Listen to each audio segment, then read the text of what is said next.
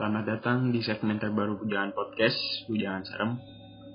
Di episode pertama ini gue bakal membagikan cerita atau pengalaman mistis gue tentang uh, apa aja yang pernah gue alamin di hidup gue.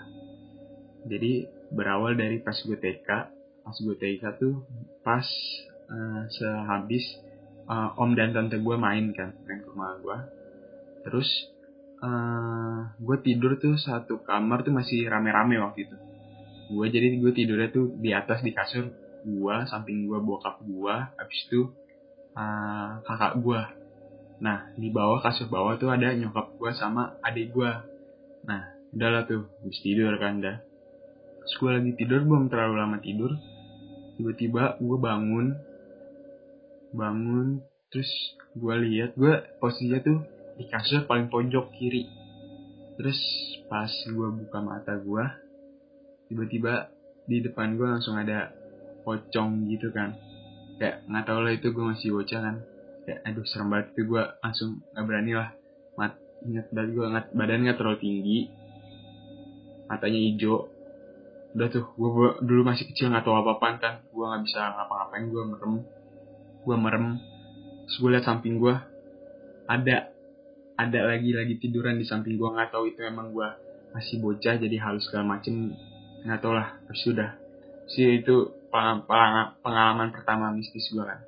Nah berlanjut nih pas SD SD ini parah sih menurut gue jadi tuh uh, lagi malam-malam nih gue SD kelas 5 kalau nggak salah.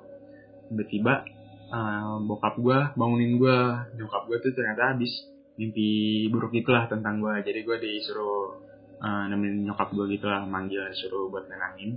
Nah terus habis itu udahlah udah udah selesai. Terus bokap gue nanya e, ini pengen kamu pengen tidur di sini apa tidur di kamar kakak? Terus gue bilang kan ya tidur di kamar kakak aja. Nah kebetulan di kamar kakak gue tuh ada dua kasur. Dua kasur ngadep ke pintu. Ada pintu itu sekitar empatan lah kayak itu subuh. Nah terus pas gue lagi baru pengen tidur masih tidur tidur ayam gitu sekitar lima menit lah gue tidur rem nggak bisa tidur. Terus gue nengok di depan gue pintu itu kondisinya terbuka gitu kan pintu. Pintu kondisinya terbuka di pojokan pintu. Itu gue ngeliat pocong lagi benar-benar tinggi. Setinggi pintu gue itu sekitar 2 meteran lah. Dan sekarang gue lagi nge-record di kamar itu. Gue liatin pojokan kamar gue kali ya normal lagi itu bener-bener aduh serem banget serem banget.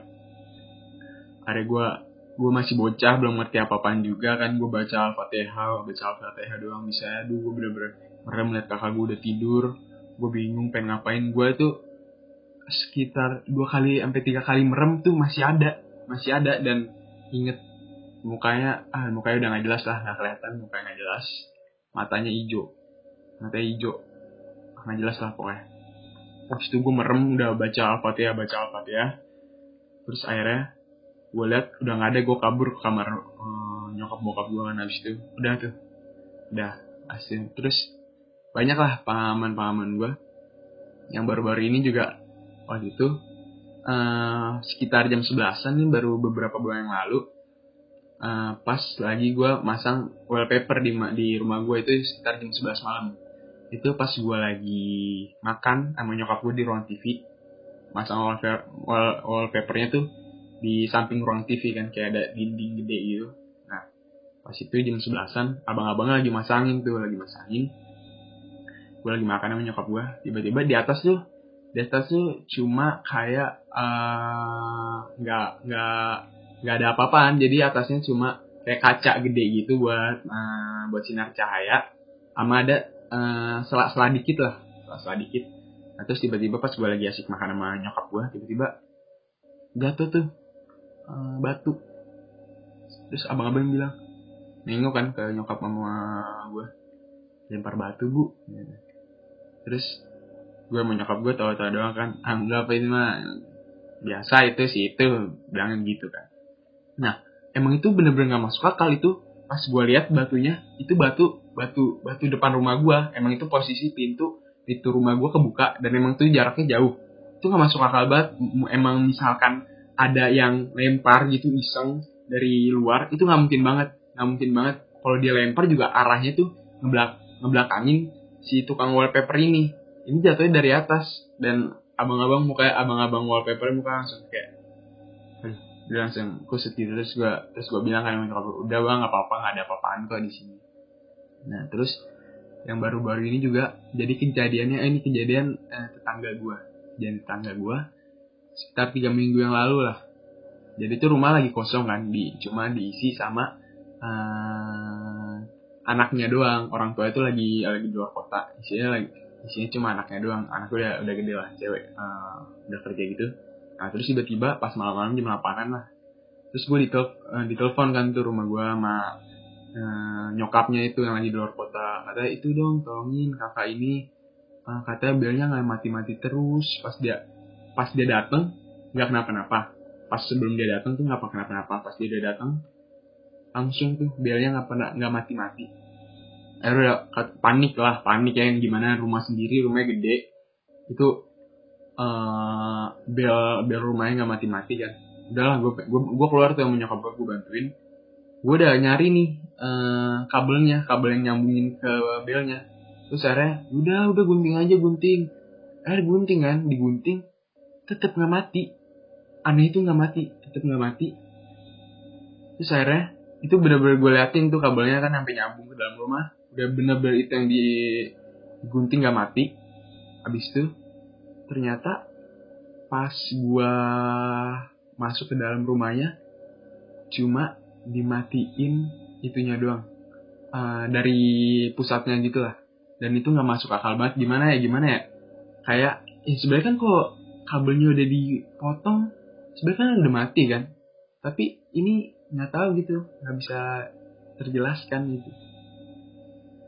Nah yang paling paling baru nih pas gua farewell party lah. Farewell farewellan party lah sama temen-temen gua gua kan uh, kebetulan gua di, udah lulus kelas 12 kan baru lulus baru lulus kelas 12 tahun ini.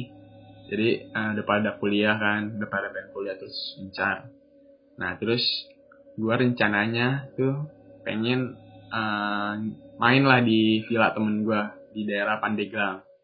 Jadi awal kisahnya uh, gue naik kereta ke Pandeglang ini, terus uh, itu nyampe sekitar jam 2 apa jam 1 jam 2an lah lupa gue jam 1 jam 2an baru oh itu ke rumah neneknya temen gue dulu makan makan segala macem.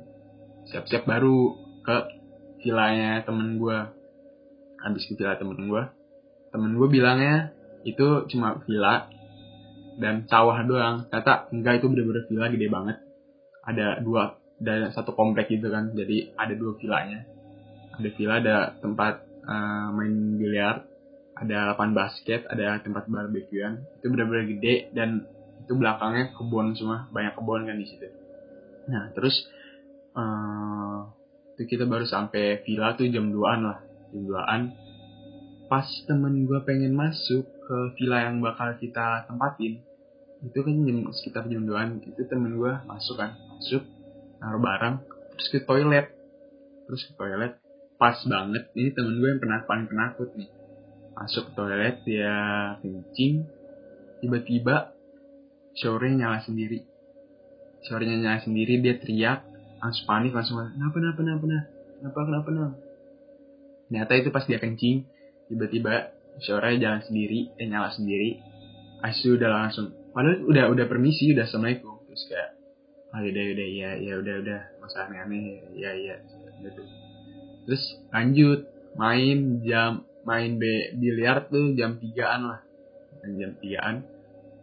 Ngomong itu ngomong udah nggak nggak teratur lah udah ngomong udah pada nggak jelas lah udah ngomong nggak dijaga lah intinya gitu.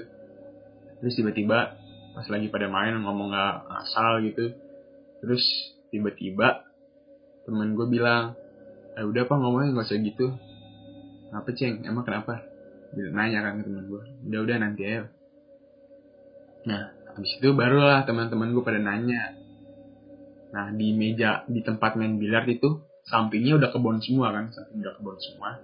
Terus tanya lah temen gue Kenapa emang tadi lu ngomong gitu?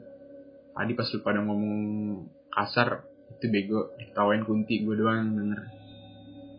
Langsung aduh langsung pada panik kan gue ya sih udah dah udah dah. Nah pas gue lagi itu main-main sampai malam kan tuh main sampai malam di situ sama sekitar jam tigaan. Ini gue gue tuh orangnya nggak pernah nggak pernah halu lah. Maksudnya kayak nggak pernah nggak jelas itu eh gue ngeliat ini gue enggak gue nggak gue bukan gitu banget orangnya. Tapi pas gue lagi main basket sama temen gue gue lihat pas gue lagi nengok belakang itu kan kebun gitu ya, lapangan gede gitu kebun gitu. Tiba-tiba gue ngeliat kayak ada anak kecil lari bayangan putih gitu. Lari lari ke arah ke arah rumah arah rumah. Dan temen gue ngeliat juga bayangan anak kecil katanya di daerah yang tempat gue lihat juga. Jadi nggak tahu udah tuh siapa. Pokoknya banyak lah kejadian di villa itu yang serupa. Teman-teman gue juga kayak ngeliat-ngeliat gitu. Jadi mungkin cukup sekian aja untuk episode kali ini. Jangan lupa untuk mendengarkan selalu jangan serem. Tapi jangan pernah dengerin sendiri